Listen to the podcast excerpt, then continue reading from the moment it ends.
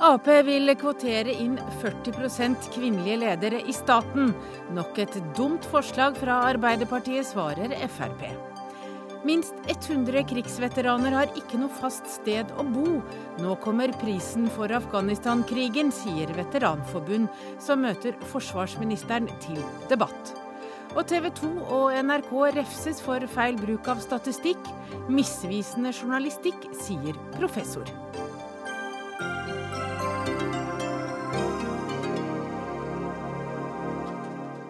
Ja, Det er noen av temaene vi skal snakke om i denne sendinga fra Dagsnytt 18. Men følger du med, så får du også høre de hotteste konspirasjonsteoriene. Du får høre om danske politikere som vil gjemme seg, og om OL-budsjett som helt sikkert kommer til å sprekke. Velkommen til Dagsnytt 18. Jeg heter Hege Holm. Og aller først i denne sendinga skal vi til eh, veteran, Veteranforbundet og veteransoldatene. For nestler, for eh, som vi har hørt eh, i nyhetene i dag, så er det altså slik at veldig mange av våre veteransoldater de er i dag uten fast bolig. Det dreier seg om 100 krigsveteraner. Og Evelyn Dyb, du er forskningssjef ved Norsk institutt for by- og regionforskning, og du står bak denne rapporten. Ble dere overrasket over å finne ut at så mange som 100 krigsveteraner er uten fast bolig? Det ble vi faktisk. Vi hadde en diskusjon på om det var vits i å stille dette spørsmålet i det hele tatt i den undersøkelsen. Og det vil si at 100, det er, eller 98 er det vel, det er de som er talt. Og i en slik undersøkelse får du aldri med deg alle. Så det er et minimumstall. Og det er et, en tverrsnitt. Det er altså talt i løpet av ei uke. Så i løpet av et år så er det nok betydelig flere. Hva er det som kjennetegner bolig- eller bostedsløse veteraner? Ja, nå er bostedsløse en veldig utsatt gruppe med mange problemer. Psykiske lidelser, rusproblemer, fysiske sykdommer. Og, eh, Fordi at de er bostedsløse, det betyr at de klarer ikke å holde på en bolig? Ja, eller eh, hvis, hvis, man er uten bolig. Det hjelper jo sjelden på situasjonen. Eh, veteranene som vi har kartlagt i den undersøkelsen her, kommer mye dårligere ut på alle disse målene. Det er mer psykisk sykdom, det er mer rus, de er eldre, de bor oftere på gata enn bostedsløse generelt. Dere tror det også er eh, store mørketall. Er det mange som eh, dere ikke klarer å komme i kontakt med? Altså, vi kartlegger bostedsløse gjennom eh, en stor gruppe i tjenesteapparatet. Altså Nav-kontorene, Frelsesarmeen, Kirkens Bymisjon, ja, helseforetakene. Og vi er jo helt avhengige av den jobben som de gjør. Og mange gjør en formidabel jobb, men det er klart at det andel som svarer, kunne vært høyere. Så det er helt sikkert en del som er i kontakt med veteraner som ikke har svart på den undersøkelsen her. Dere, du trekker paralleller til krigsseilerne og deres situasjon. Hvorfor det? Ja, Det er vel eh, kanskje ikke jeg som har gjort først og fremst, men eh, i den diskusjonen som har kommet i kjølvannet av eh, oppslaget i Dagsavisen i dag, så har det blitt trukket fram. Bl.a. en som er gammel nok til å huske krigsseilerne som eh, bodde hos eh, Frelsesarmeen på herberget i Bergen. Og Det er kanskje en slags parallell at man yter en innsats for samfunnet og eh, må betale regninga sjøl, med helse og dårlige levekår. Hva vet dere om hvordan eh, veteranene har havnet i denne situasjonen? Det vet vi veldig lite om. Men det vet du mye om, Anders Grinaker, for du er talsmann for veteranforbundet SIOPS eh, skadde i internasjonale operasjoner, står det for. Men ble du overrasket når du hører at så mange som nesten 100 veteraner er uten fast bolig? Nei, for så vidt ikke.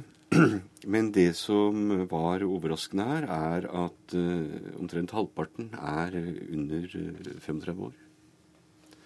Og det er tjenestegjørende fra Afghanistan. Da ser vi allerede så tidlig en så betydelig regning av vårt engasjement i Afghanistan. Det overrasket veldig. Hvordan, hvordan, skjer det? Hva er det som skjer fra en soldat kommer hjem og til han da bor på gata? Altså du, det er, er, jo slik at uh, du er i Forsvaret, som er et, uh, en glitrende arbeidsgiver, en ivaretagende arbeidsgiver. Uh, men på et tidspunkt så er din tid ute, og da går du ut i et sivilt samfunn. Og det er et helt annet samfunn enn Forsvaret sitt samfunn. Ja, Hvordan da? Som det i og for seg påpekes i rapporten her, altså du er ivaretatt på en positiv måte. Du blir sett. Eh, du er viktig. Eh, du er eh, en del av en gruppe. Når du går ut i det sivile samfunn, så står du alene. Vi ser jo også undersøkelser som viser at arbeidsledigheten blant imiterte soldater er foruroligende høy. Og da har du liksom begynnelsen på at det sklir ut. Altså mangel på, på penger, mangel på sosialt nettverk. Dette liksom bygger seg på, og så er du på vei ut. Hva kan dere gjøre for eh, kameratene deres som kommer tilbake og ikke klarer å finne veien? Altså, vi tenker, tenker at uh, det må foreligge et lavterskeltilbud. Uh, ikke, ikke, komplisert, ikke, ikke, stort. Men det handler faktisk om at de fleste av de som har tjenestegjort, har helt naturlige reaksjoner på en unaturlig tilværelse som krig for så vidt er. Og da vil du tidvis ha behov for å, å, ha noe hjelp for å håndtere hverdagen. Det lavterskeltilbudet, det eksisterer ikke. Det er der i grunnen mye av kjernen ligger. Og hvis vi ser Afghanistan-soldater er i ferd med liksom, i dag å falle ut av arbeidslivet, søker hjelp, men hjelpeapparatet evner ikke å fange opp. Det er, en, det er en spesiell gruppe, og kanskje en komplisert gruppe. Janne Grete Strøm Eriksen, du er forsvarsminister. Her hører du altså at så mange som nesten 100 veteraner sliter. De sliter så mye at de klarer ikke å holde seg med et sted å bo, Av de, mange av de er under 35 år. Hvilke tanker gjør du deg? Det er selvfølgelig eh, veldig alvorlig. Altså, denne undersøkelsen dreier seg jo om mange som er bostedsløse. Og det å være bostedsløs er jo en alvorlig situasjon. Eh, og Så sier også undersøkelsen en del om, eh, om bakgrunnen for dette. Eh, mange har, sliter i tillegg med, eh, med, rus. Mange har psykiske lidelser, som også er blitt sagt. Eh, og det er helt klart at vår målsetting er jo å nå fatt i alle som er veteraner. Fordi vi har en forpliktelse for å ta oss av de som reiser ut på vegne av Norge og gjør en innsats for samfunnet. Men hvor lenge varer forpliktelsen deres? Den forpliktelsen er kontinuerlig. Eh, jeg må si det at eh, det har ikke altså Fra før vi kom i regjering, så var det ikke gjort veldig mye for veteraner. Det må jeg med all respekt si. Eh, og vi har etablert en veteranpolitikk som både dreier seg om anerkjennelse for innsats, det dreier seg om helse, det dreier seg om sosiale nettverk, og det dreier seg om erstatning og økonomi. Og vi prøver også i forbindelse med konkrete prosjekter og se hvordan skal man fra kommunens side jobbe godt sammen med helse, med Nav-kontor eh, og med Forsvaret. Det er ett prøveprosjekt som skal gi en, eh, en erfaringslæring til hele, hele, landet. Og I tillegg så jobber vi hardt med å få ut kompetanse på hva er eh, veteranene som sliter, hva er deres spesielle situasjon, hvordan skal vi hjelpe de på best mulig måte.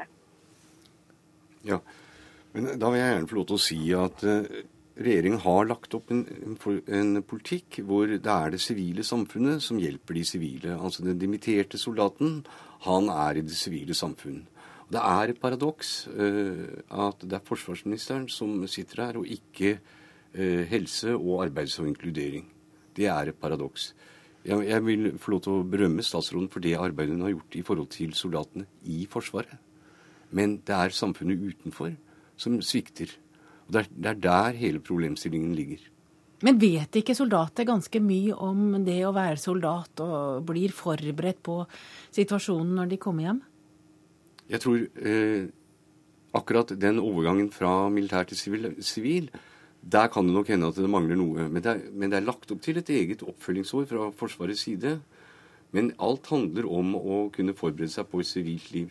Men det handler jo også om, slik som dette samfunnet er blitt, at uh, du må jo ha et fagbrev, du må ha en grunnutdanning for å kunne skaffe deg arbeid. Og mange av disse starter som 19-åringer ikke sant? og tjenestegjør da kanskje ni år. Eller til de er 35, og så er de ut. Det er også et tankekors. Men Anne Grete Strøm Eriksen, er det mulig i det hele tatt at ikke det går At ikke det er liv som ødelegges etter at man har opplevd noe så sterkt som å være i, i krigssituasjonen eller krigslignende situasjoner? Altså Nå må vi huske på at denne undersøkelsen, selv om den, det ble sagt at den kanskje ikke fanger opp alle, så, så, har den jo undersøkt veteraner helt tilbake fra, eh, fra, krigen. Så den har fanget opp mange, ca. 120 000, som er grunnlaget. Eh, og, eh, og, og, det har nok blitt veldig mye bedre eh, med de senere veteranene. og Da tenker jeg spesielt på eh, Afghanistan-veteranene. På både forberedelse, på nettopp det som var sagt, hvordan skal man forberede oss på å være soldat, hvordan oppfølging får du underveis, og hvilken oppfølging får du i ettertid. Og det, eh, det, er jo riktig det at en del går over til det sivile samfunnet. og Det er jo nettopp der vi nå har en helt annen oppfølging på når du kommer hjem. Kontakt med Nav-kontoret hvis du ikke har jobb. Slik at man ikke skal komme i en situasjon hvor man gjerne blir sittende og i en helt annen tilværelse i Norge i forhold til den man opplevde ute. Men nå hører vi jo Veteranforbundet etterlyse f.eks. et lavterskeltilbud som de som ja, sliter kan oppsøke. Og, det er jeg veldig, veldig enig i. Og nettopp det, altså det aller, aller eh, beste lavterskeltilbudet vi har i Norge, er jo faktisk fastlegen vår. Men eh, det å etablere lavterskeltilbud spesielt for veteraner, det har vi jo f.eks. i Oslo. Vi har eh, nettverk for veteranorganisasjoner som har laget nettverk. Vi har veterantelefon og eh, nettsted. Altså Vi har mange steder hvor den som selv sliter eller familiemedlem kan ta kontakt. Og mitt inntrykk er at veldig mange veteraner kjenner til de tilbudene som er. Men det er jo ikke godt nok. Når noen sliter, så vet vi da når vi ikke frem til alle. Og vi, målsettingen vår er at vi skal nå frem til alle. Vi skal ta tak i de som sliter, og vi skal hjelpe de med både lavterskeltilbud og behandling. Ja, Grinaker, det virker jo som viljen er til stede. Både for lavterskeltilbud og annen hjelp. Ja, det er utvilsomt en betydelig vilje, men altså det må kombineres med evne. Og vi, vi vi I et samarbeid med RT-vesenet så, så ønsket vi å etablere et lavterskeltilbud. Og dette var mens Strøm Eriksen satt som eh, statsråd for helse, og det kostet 2,5 millioner. Det kom ikke en krone, og da er det ikke evne til gjennomføring. Men altså, det, det, er ikke riktig at ikke det altså Det må ikke fremstilles som at det ikke er gjort, gjort noe. Det, det, er alvorlig at vi har 98 eh, bostedsløse krigsveteraner. Og det er gitt ganske mye forklaring på det. Det er egentlig forklaringer som gjør at veldig mange av de som er bostedsløse, er bostedsløse. Eh, men det er, ikke, det er, ikke, godt nok hvis ikke vi får tak i disse veteranene. Det tror jeg alle er enig i. Det tror jeg alle er enig i, Strøm Eriksen. Vår tid eh, i denne saken eh, er over, for vi har flere statsråder som har dårlig tid i dag. Takk til deg, Anders Grinaker, du er talsmann for Veteranforbundet. Evelyn Dyb, du er forskningssjef ved Norsk institutt for by- og regionsforskning. Og Anne Grete Strøm Eriksen, forsvarsminister. Hør Dagsnytt 18 når du vil, på nettradio eller som podkast. nrk.no – dagsnytt 18.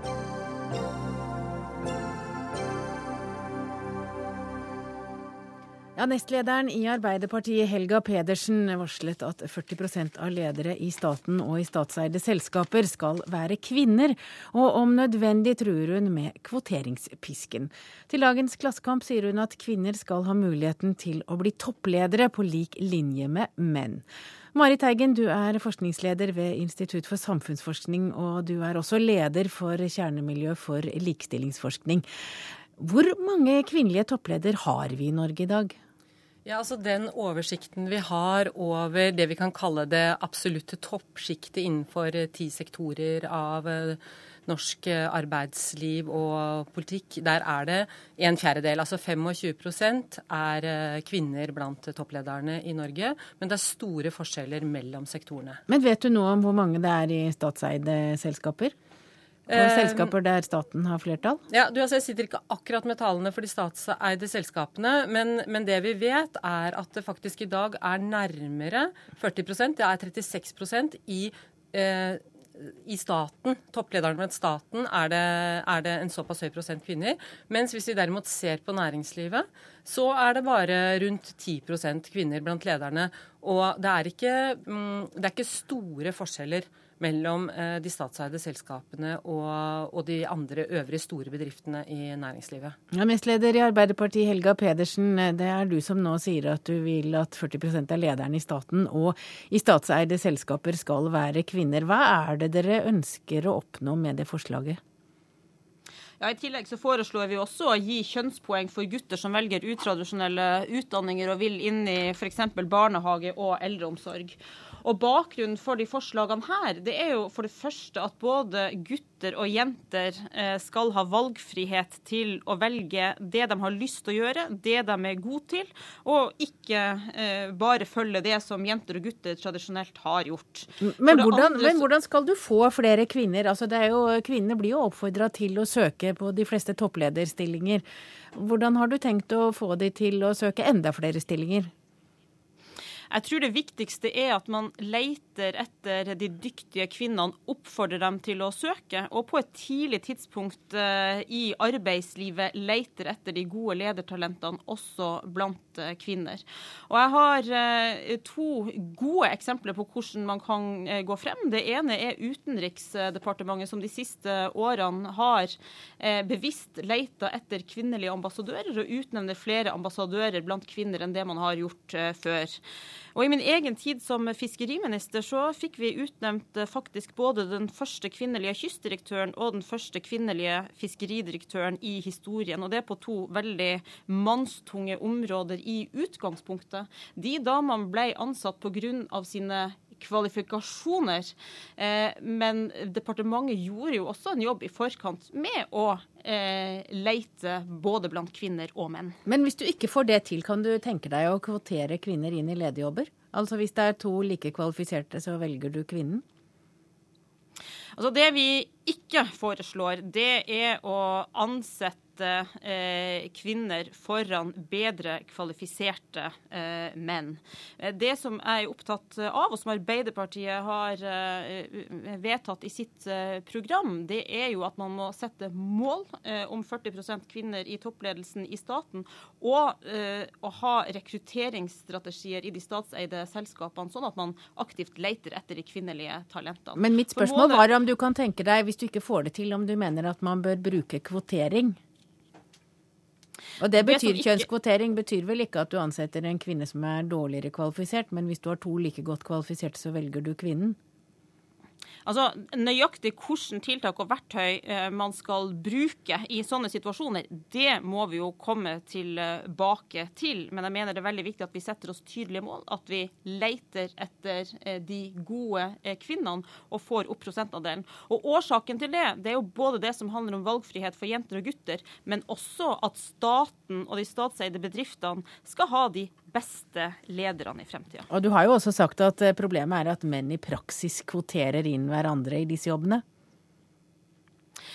Vi har jo tunge eh, tradisjoner eh, over tid for at eh, eh menn eh, får topplederstillinger, mens kvinner enten enten ikke får tilbudet eller sjøl ikke anser at det er aktuelt eh, for dem.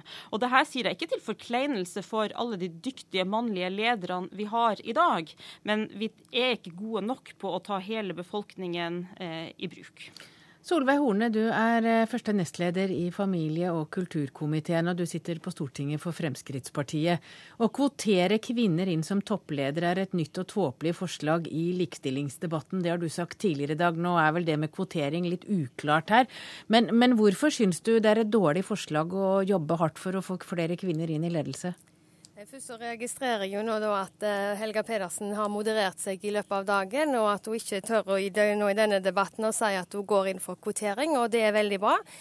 Det som er viktig for Fremskrittspartiet, det er at vi får toppledere som er kvalifisert. Om det er mann eller kvinne, så er det viktigste med kvalifikasjoner. Og da blir det feil for Fremskrittspartiet at vi skal begynne med kvotering.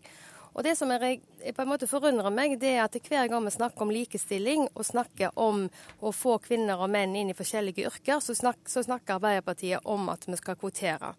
Det er altså viktig at vi har de rette på de rette plassene, og at kvinner og menn blir stimulert og, og blir oppfordra til å søke utradisjonelt. Og det har vi sett nå i de siste årene, at jentene er mye flinkere enn guttene med å søke seg inn til realfagfag, og ikke minst at de tar høyere utdanning og òg søker utradisjonelle yrker.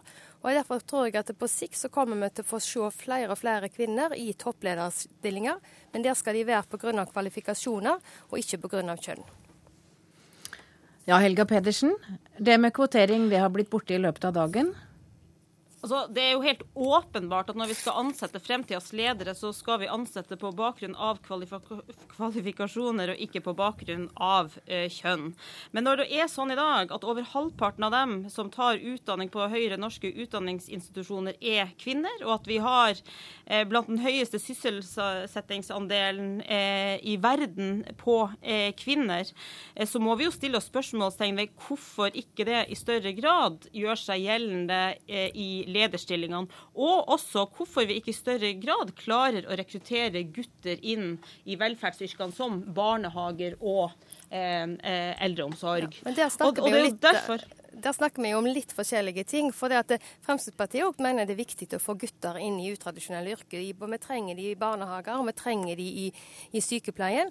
Men da tror jeg vi må erkjenne at det er veldig, mange, eh, er veldig viktig med at lønn er en viktig del for å få til, gutter til å søke på sånne yrker. Og så sa du jo sjøl òg at det er valgfrihet, at folk, eller kvinner og jenter og gutter skal få lov til å velge sjøl de yrkene de, de, ønsker. Og det er i hvert fall viktig for oss at, at de må altså finne finne ut hva de vil ønske å bli, og de må få en valgfrihet.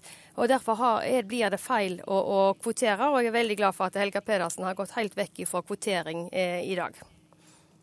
Men i dag er det for mange jenter som verken blir spurt om å ta på seg lederstillinger, og heller ikke anser at det er en mulighet. Og Derfor mener jeg at vi må være aktiv både etter å eh, spørre jentene og begynne tidlig i yrkeskarrieren med å forberede dem på at det å ta en lederposisjon også kan være en uh, mulighet. Og Det er derfor vi altså har satt det her målet om 40% Når skal det være oppfylt, Helga Pedersen?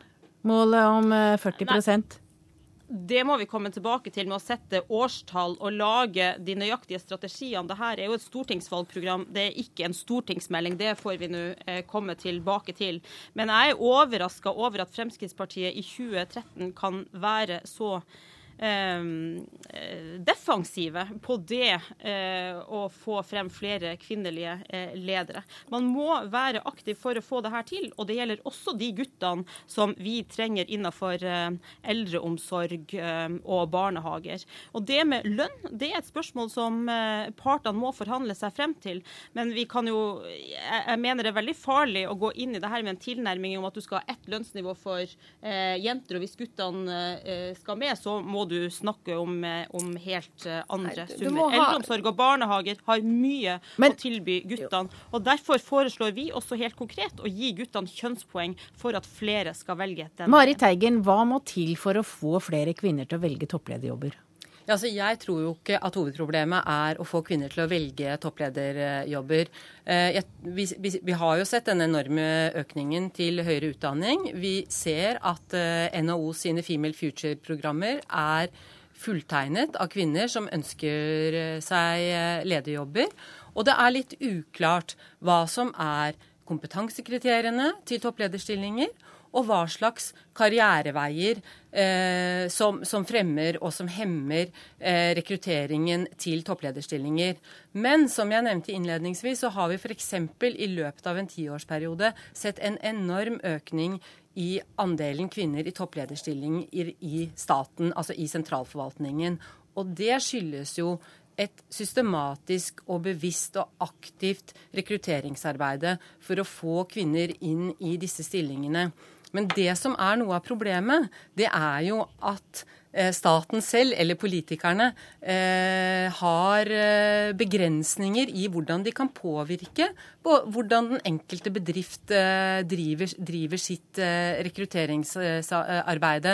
Og Derfor så syns jeg at det er veldig positivt de bevegelsene som har vært i det siste i retning av og et ønske om å institusjonalisere et trepartssamarbeid mellom arbeidsgivere, arbeidstakere og staten i på likestillingsfeltet. Fordi det kanskje er nettopp gjennom et trepartssamarbeid at man kan få Eh, denne problematikken tydeligere fram Men hos arbeidsgiverne. Men du sier at det er, altså det er nok av kvinner som er interessert i topplederjobber, de bare får dem ikke? Det er veldig mye som tyder på at, eh, at det langt på vei er, eh, er, situasjonen. Og at det også er mange av de små valgene som foretas underveis, som sluses kvinner og, sluser kvinner og menn inn i ulike deler. Og jeg tror også at store deler av arbeidslivet må gå nøyere inn i Eh, i hvordan, eh, eh, hvilke forhold man har på arbeidsplassen, og i hvilken grad det muliggjør en karriere for kvinner. Takk til deg, Marit Heigen, du er forskningsleder ved Institutt for samfunnsforskning. Takk også til Helga Pedersen, nestleder i Arbeiderpartiet, og Solveig Horne, første nestleder i familie- og kulturkomiteen og stortingsrepresentant for Frp.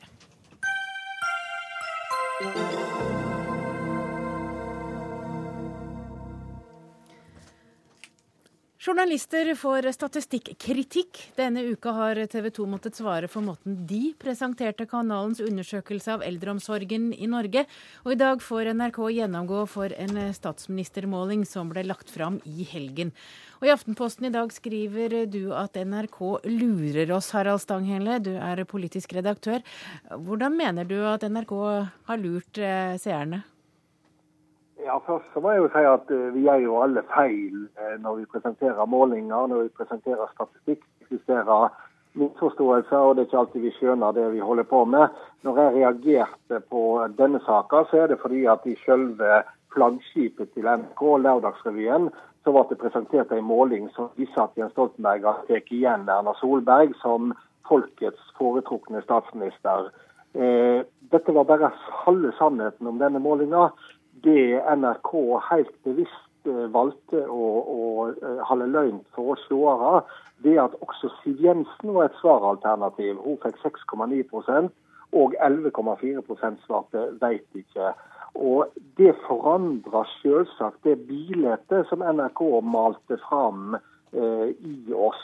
Ikke de faktiske tallene, men styrkeforholdet mellom den rød-grønne sida og den blå-blå sida.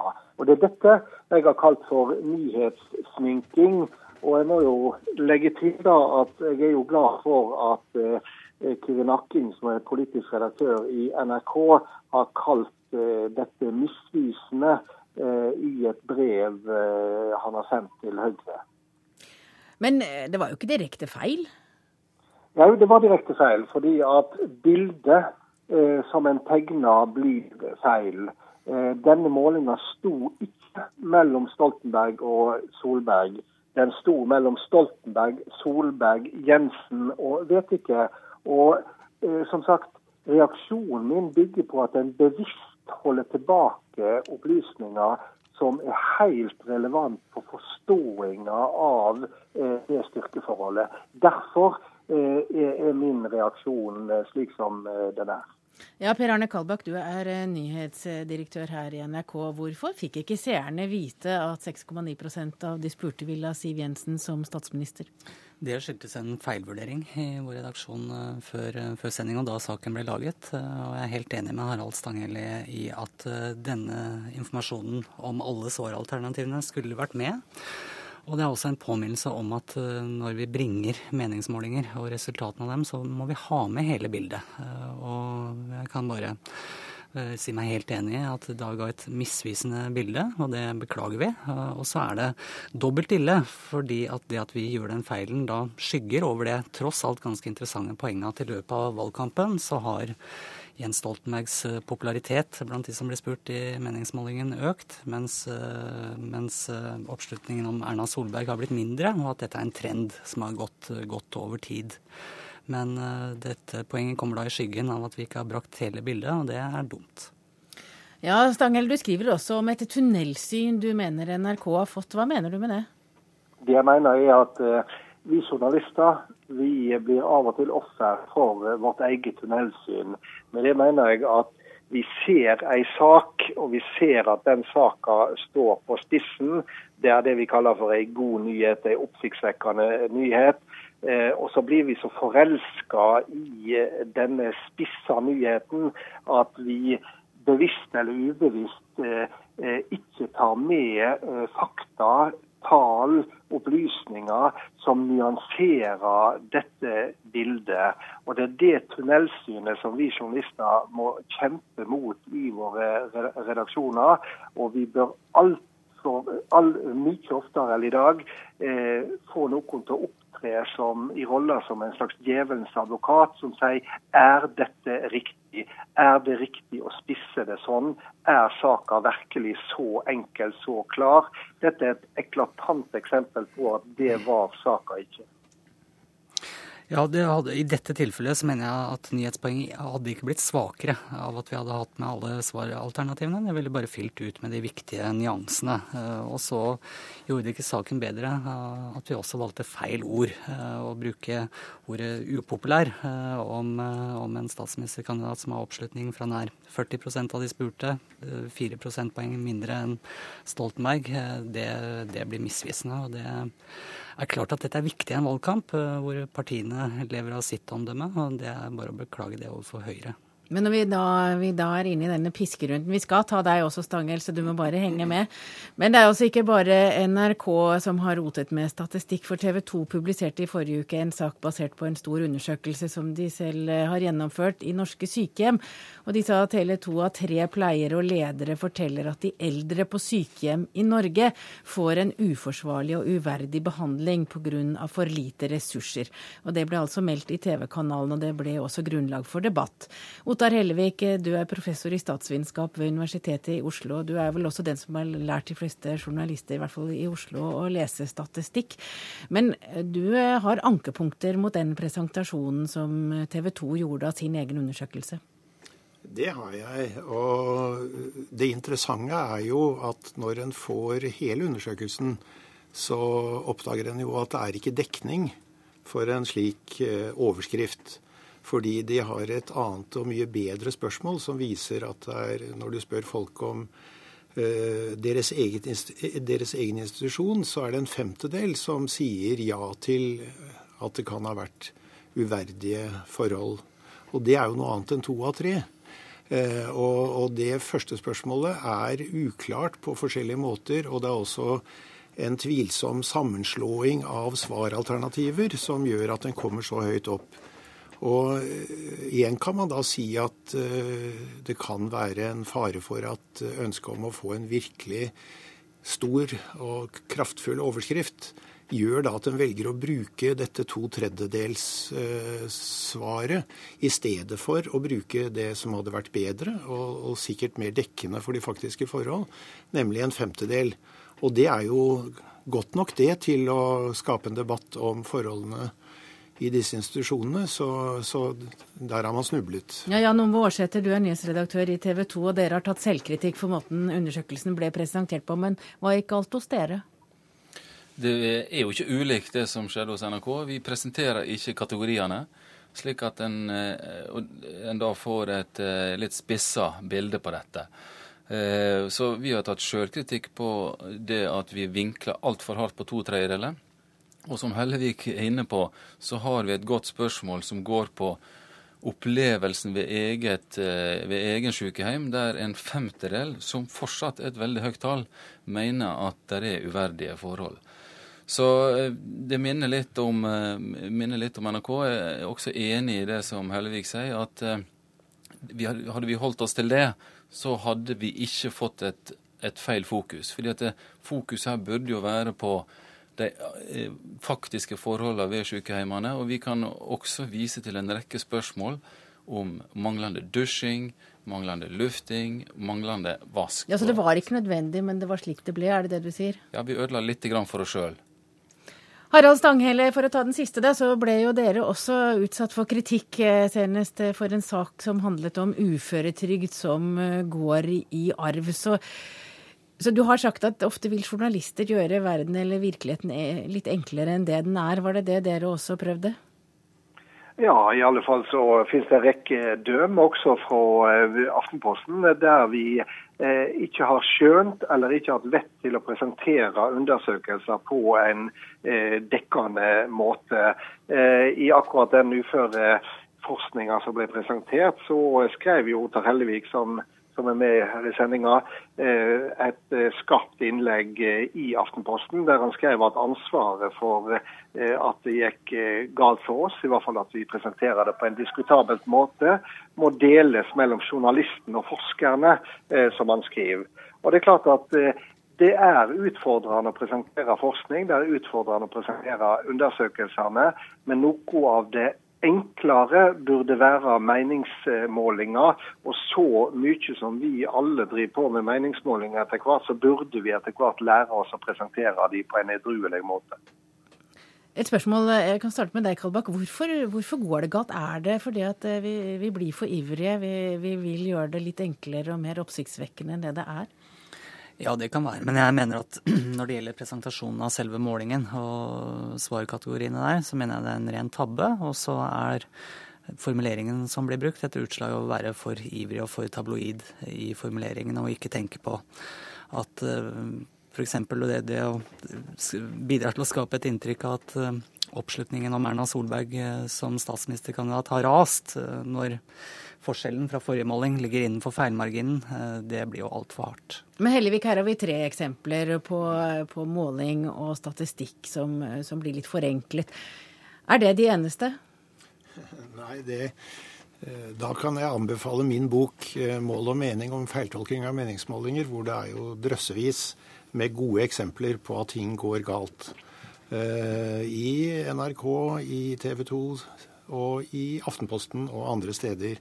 Så det, det skjer stadig vekk, vil jeg si. Og det har jo sammenheng med at dette er vanskelig, rett og slett. Det er eh, mange typer feilkilder som man må ha studert dette her. Lært seg forskningsmetode for å være obs på og ta hensyn til. Og I tillegg så tror jeg kanskje at det er et problem at eh, en eh, ikke har nok eh, sans for hvor problematisk og vanskelig dette kan være i mediene. At man burde i større grad la noen få spesialisere seg på, på å jobbe med dette stoffet. Slik at, eh, at en får den erfaringen som også er eh, en del av det. I tillegg så er det jo det som Stangel har vært inne på, at, at en eh, må virkelig jobbe med å være kritisk til seg selv og sine egne. Det er noe av det vi prøver å lære studenter når det gjelder forskning. At du skal være din egen verste kritiker, og du skal være på utkikk etter alt som kan vise at du tar feil. Og det tror jeg man kan godt ha som et motto for journalister også. Årsetter, hvordan tenker dere i TV 2 for å ikke komme, eller ikke gå i den samme fella igjen? Nei, Jeg hadde jo eh, gjerne sett at den gruppa som nå fortjener en diskusjon, nemlig de som de uh, sykepleierne og de, de, pasientene som faktisk opplever dette, at det handler om det. Så Det syns jeg er leit. og Det tar jeg jo selvkritikk for at en overvinkling fører til at, at debatten blir litt annerledes. Så vi får lære av det, og så får vi ha presisjonsnivået så, så høyt som mulig i, i Men mangler det kompetanse? Nei, jeg vil ikke si det. Vi har lang tradisjon med veldig presise meningsmålinger, bl.a. Så i TV 2 så har vi tradisjon for eh, gode og, og, og adekvate målinger, og behandlinga av dem har vært god. Så vi har ikke hatt mange slike eksempel i TV 2. Vi får vel bare alle vi som er journalister her tenke at virkeligheten er kanskje litt vanskeligere enn det vi gjerne vil ha den til av og til. Takk til dere. Ottar Hellevik, professor i statsvitenskap ved Universitetet i Oslo. Per Arne Kalbakk, nyhetsdirektør i NRK. Jan Ove Aarsæter, nyhetsredaktør i TV 2. Og Harald Stanghelle, politisk redaktør i Aftenposten.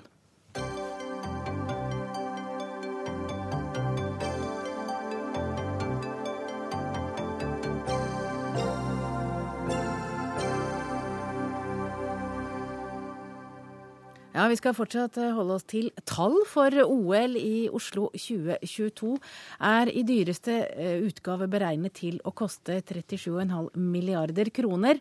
Men all erfaring viser at det kommer til å bli langt dyrere. Det skriver i hvert fall du i Klassekampen i går, professor ved Handelshøyskolen i Trondheim, Harry Arne Solberg. Og hvordan vet du det?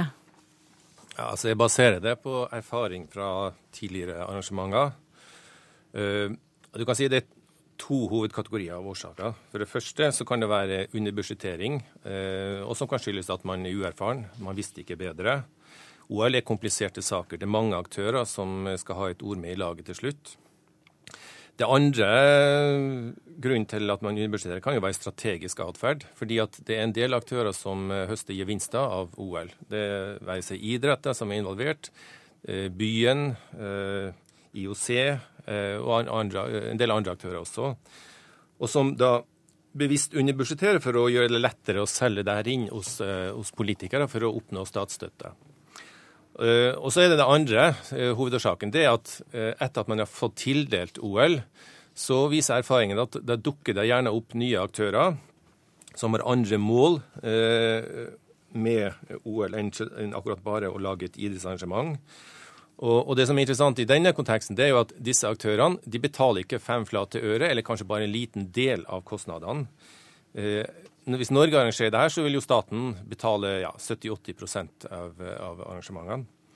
Og da begynner snøballen å rulle. Så. Så, eh, og, og, hva som er årsaka eh, ved de konkrete arrangementene eh, ut av de, de, til kostnadsoverskridelsene ut av de to kategoriene, kan jo variere litt ut fra, fra, fra, fra tid til, fra mellom arrangement til arrangement. Ja, Inge Andersen, du er generalsekretær i Norges idrettsforbund og olympiske og paralympiske komité. Eh, hvorfor blir ikke Oslo-OL dyrere enn det man har planlagt? For det første så har Norge veldig gode rammestyringsverktøy. Eh, OL på Lillehammer i 94 viste et overskudd på 416 millioner som ble lagt inn i et etterbruksfond. Vi skal arrangere et ungdoms-OL på Lillehammer i 2016. Det er ingenting som tyder på at vi kommer til å bruke en krone mer enn budsjett i, i, i, i den, det arrangementet. Dette dreier seg om byfornying, dette dreier seg om et nasjonalt løft. Dette dreier seg om å arrangere verdens største idrettsarrangement på norsk jord. Dette dreier seg om å eh, tilrettelegge for en ny generasjon idrettsungdom og en ny generasjon frivillighetsungdom.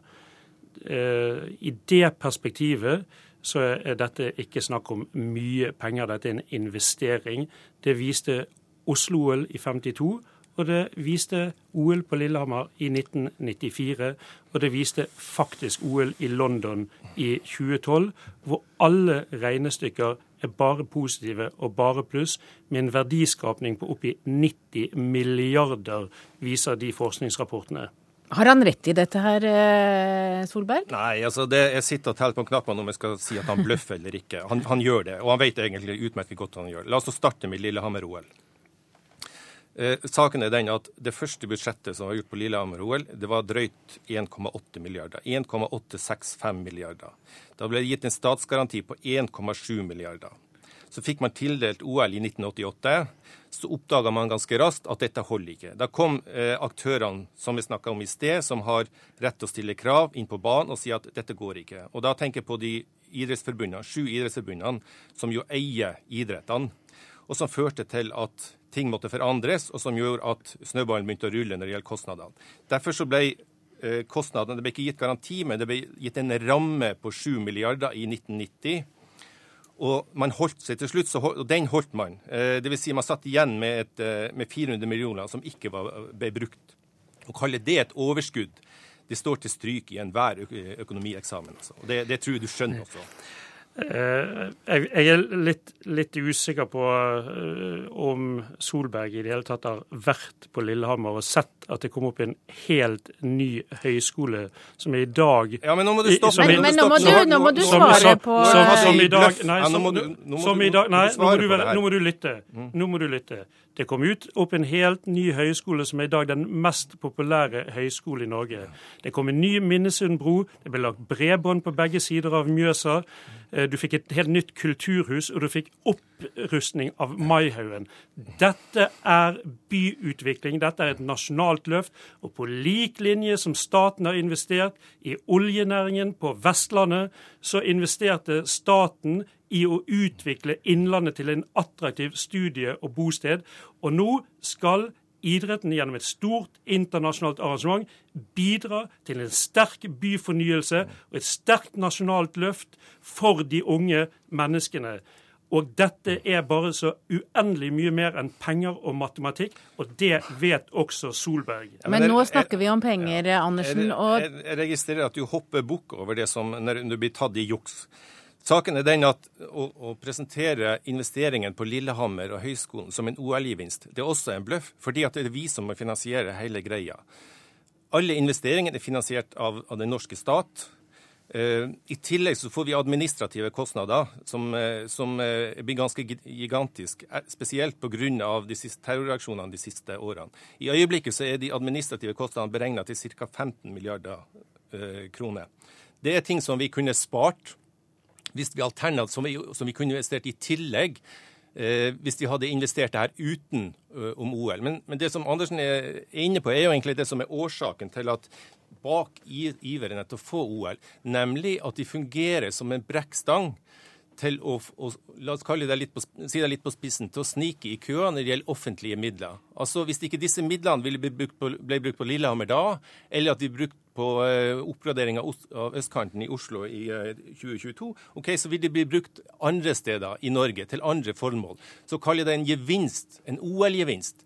Det er direkte feil, så lenge det er vi som finansierer hele, hele suppa sjøl. Ja, men, men Inge Andersen, eh, vår tid er over. Men kan du garantere at et OL i Oslo ikke vil koste mer enn 37,5 milliarder ja, kroner? Altså, eh, her er det levert en statsgarantisøknad som er helt utmerket. Og dette er en investering i kompetanse, dette er ikke administrative kostnader. Det blir helt feil, og det vet òg Solberg. Nei, men da må, må jeg stille et spørsmål til slutt. Hvorfor har Nei, dere hoppa bukk over at Ernst Young har, har beregna Nei, dette er snakk om kunnskapsutvikling, og det er ikke administrative kostnader. Det ligger verdier i norsk idrettsorganisasjon, i norsk samfunnsliv etter Lillehammer, som er uendelig mye mer verd enn de investeringene som ble gjort. Hvorfor har dere ikke tatt inn over dere at Ernst Young har sagt at dette sannsynligvis blir 7 milliarder eh, beklager, høyere beklager, kostnader enn det Og den diskusjonen får, vi fortsette, får dere fortsette utenfor. Takk til Inge Andersen, generalsekretær i Norges idrettsforbund, og Harry Arne Solberg, professor ved Handelshøyskolen i Trondheim.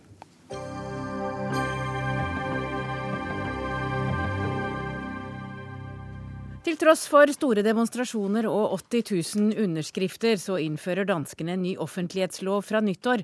Da får statsråden anledning til å holde informasjon unna offentligheten, så ikke folk flest og journalister spesielt skal se dem i kortene.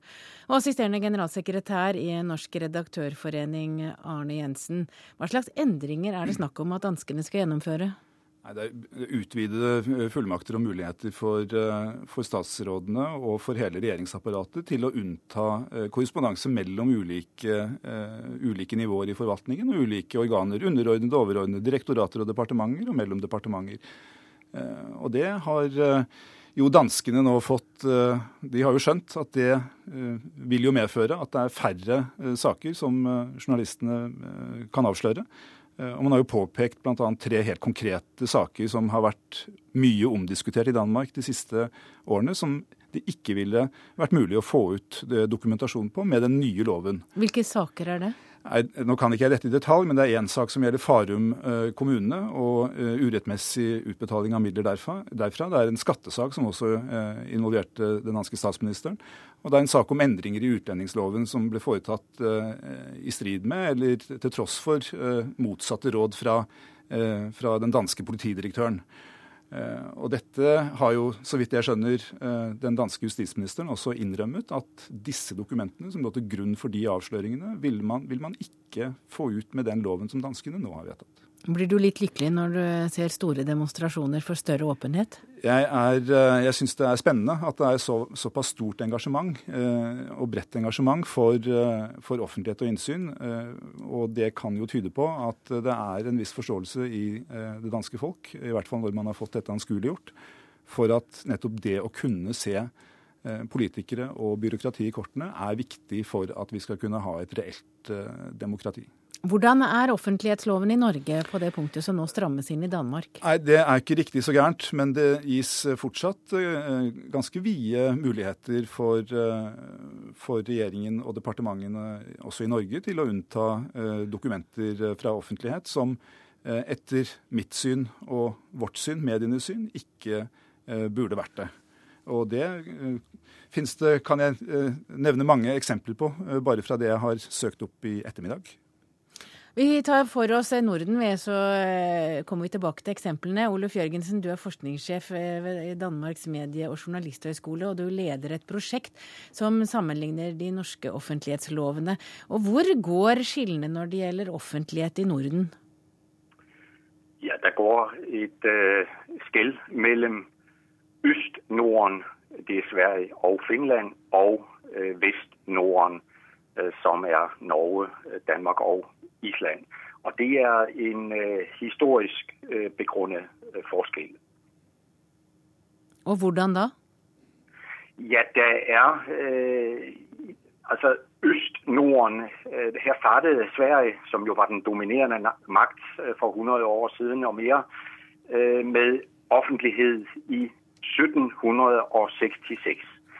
Det er ganske unikt for hele verden. Og øh, Finland øh, fikk jo del i den øh, svenske offentlighetstradisjonen. Og etter den finske selvstendighet fra Sverige og senere Russland, så har Finland utviklet offentlighet. Og jeg vil tro at i dag er Finland det mest åpne land i Norden når det handler om den øverste statsadministrasjon. Men Vest-Norden har jo historisk bygget på den danske tradisjon fra den tid hvor Danmark var den dominerende makt i Vest-Norden. Og her er tradisjonen lukketid. Det er en dansk tradisjon fra den gang eliten talte tysk. Man kalte det geheime administrasjonen, geheime kanselliet, geheime statsråd, og geheime betyr hemmelig, og det var hemmelig. Og den historiske tradisjon har man ikke for alvor brutt med i Danmark. Tvert imot, den seneste endring sementerer lukketiden. Arne Jensen, nå hører vi at Norge og Danmark er litt i samme båt. Men kunne vi risikere at det kom et lignende forslag som de nå har gjennomført i Danmark, her i Norge? Nei, Det håper jeg ikke, og det tror jeg ikke. Men det vil alltid være slik at det er krefter i forvaltningen, og til dels også blant politikere. Det avhenger av hvem som sitter i regjering, for det er de som sitter i regjering som har hemmelighold som sitt middel. Opposisjonen vil nesten alltid konsekvent være for større åpenhet så lenge man er i opposisjon. Så dette er jo maktens middel, uavhengig av farge på, på, på regjeringen, stort sett. Men vi ser jo hvordan dette brukes i Norge, muligheten for å unnta. Jeg har kjørt ut i ettermiddag, et, gjort et søk i den uh, departementale postjournalen. 4206 dokumenter er unntatt uh, fra underordnede til overordnede organer. Og Det er saker om oversendelse av e-post fra Norges naturvernforbund, fra Statens vegvesen til Samferdselsdepartementet, finansiering av Bergensbanen, eller utbygging av Bybanen i Bergen. Det er, siden vi nå var i Danmark, bare for å ta det litt morsomme, det var altså et, en forespørsel fra Danmark om, eh, om, krav til lykter som kan brukes på sykkel i Norge. Eh, og, og, sånn kunne man holde på. Eh, så dette brukes i altfor stort omfang og helt annerledes enn det som var den opprinnelige intensjonen. Men du blir jo snart generalsekretær i Norsk redaktørforening, så du kommer til å holde hånda på rattet og sørge for at det i hvert fall blir store protester hvis du skulle komme opp et lignende forslag i Norge. Nå er ikke vi en protestorganisasjon som arrangerer demonstrasjoner, men vi skal passe på, ja. Takk til deg, Arne Jensen, assisterende generalsekretær i Norsk redaktørforening, og Oluf Jørgensen, forskningssjef ved Danmarks medie- og journalisthøgskole.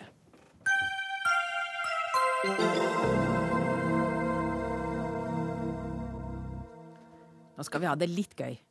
For nå skal vi snakke om noe de færreste av oss vet noe særlig om. Og det handler om ingenting er hva det ser ut til å være, ingenting er tilfeldig, og alt henger sammen med alt. Og det er nemlig bakgrunnen for konspirasjonsteorier, og de er det mange av. Nå har det kommet en bok, og den har du skrevet, Jon Ferseth, og den heter Konspira Norge. Aller først, forklar oss hva er en konspirasjonsteori? Altså, Det er jo en teori som skal forklare en hendelse eller et fenomen så er det en teori som ikke godtar den offisielle forklaringen. Man uh, tenker seg at uh, det er noe annet som ligger bak. Det er noen som har lagt en hemmelig plan. Det er noen som har snakket sammen. Og disse har da gjerne skjulte mål med det de gjør. Kanskje vil de berike seg, kanskje vil de øke sin egen makt, kanskje vil de til og med ha verdensherredømme. Ja, Du åpner jo boka med å fortelle at du sjøl var på toget, og toget bråbremsa. Du var helt sikker på at nå lå det noe, en mening bak? Jeg var vel ikke helt sikker på det, men, men jeg, et øyeblikk så ble jeg ganske rasende på togføreren helt til jeg skjønte at det selvfølgelig ikke, han selvfølgelig ikke gjorde dette her fordi han ville skade meg eller være egoistisk. Men poenget i denne historien er jo egentlig at vi mennesker ofte hvis vi blir litt stressa, så tenker vi oss kanskje ofte agendaer som ikke nødvendigvis ligger der. Vi ser mønster som ikke er der. Akkurat som vi er ute og går en uh, mørk kveld, og så hører vi det knake en kvist, og så tenker vi oss at det er noe bak oss. Men 22.07.2011 og terroren 11.9.2001 er jo hendelser som flittig blir diskutert blant konspirasjonsteoretikere. Hvorfor det? Altså, Med 11.9., hvis vi begynner med det, så tror jeg nok det handler mye om at eh, det skjedde på et tidspunkt da alle hadde fått nett. Det var en hendelse alle satt og så på. Det var en hendelse som uh, gjorde et sterkt inntrykk på veldig, veldig, veldig mange. Og da begynner man å spekulere. En annen ting var nok det at det skjedde på et tidspunkt, et spesielt tidspunkt. Det hadde akkurat vært et opprivende valg i USA. Det var diskusjoner om valg hadde et riktig for seg. Det var en kontroversiell president. Det ble foranledningen til en kontroversiell krig. Det hadde vært en del hendelser tidligere som hadde svekket folk, folks tillit til myndighetene. Da ble det også naturlig å spekulere i om myndighetene kunne stå bak det her. Motsetningen er i Norge. Det er veldig veldig få i Norge som vil tro at Stoltenberg står bak 22.07. Uh, Isteden så begynner man da heller å trekke inn utenlandske aktører. Man sier f.eks. at uh, det vanligste er at man mener at Israel står bak på en eller annen måte. Man tenker seg f.eks. at uh, Breivik var motivert av sionisme, ikke av islammotstand, altså av støtte til Israel. Det var det som motiverte han eller man mener til og med at eh, Israel var involvert i dette her. At man tenker seg at de ville sende et signal til Norge om å ikke anerkjenne en palestinsk stat, ikke vedta boikott av Israel osv. Og konspirasjonsteorier det er jo ikke noe vi begynte med etter 11.9.2001. Du skriver at allerede på 1300-tallet under svartedauden fikk de spedalske skylden. Og det var ikke de spedalske som hadde spredd svartedauden, det var eh, jødene som hadde betalt dem for å forgifte brønnene. Og jødene kom jo igjen og igjen og igjen. Hvorfor det? Nei, det har nok med mange ting å gjøre. Én ting er nok det at eh, jødene alltid har vært de andre i europeisk kultur. De har en annen kultur, de har et annet språk, de har en annen religion, ikke minst. Og så har man ofte gitt dem skylden for å ha tatt livet av Jesus, eller forfedrene deres, i hvert fall. Og i moderne tid så blir de eh, et symbol på alt man ikke liker med det moderne samfunnet, sånn som industrialisering, brudd med gamle samfunnsstrukturer, eh, massemedia, moralsk forfall osv.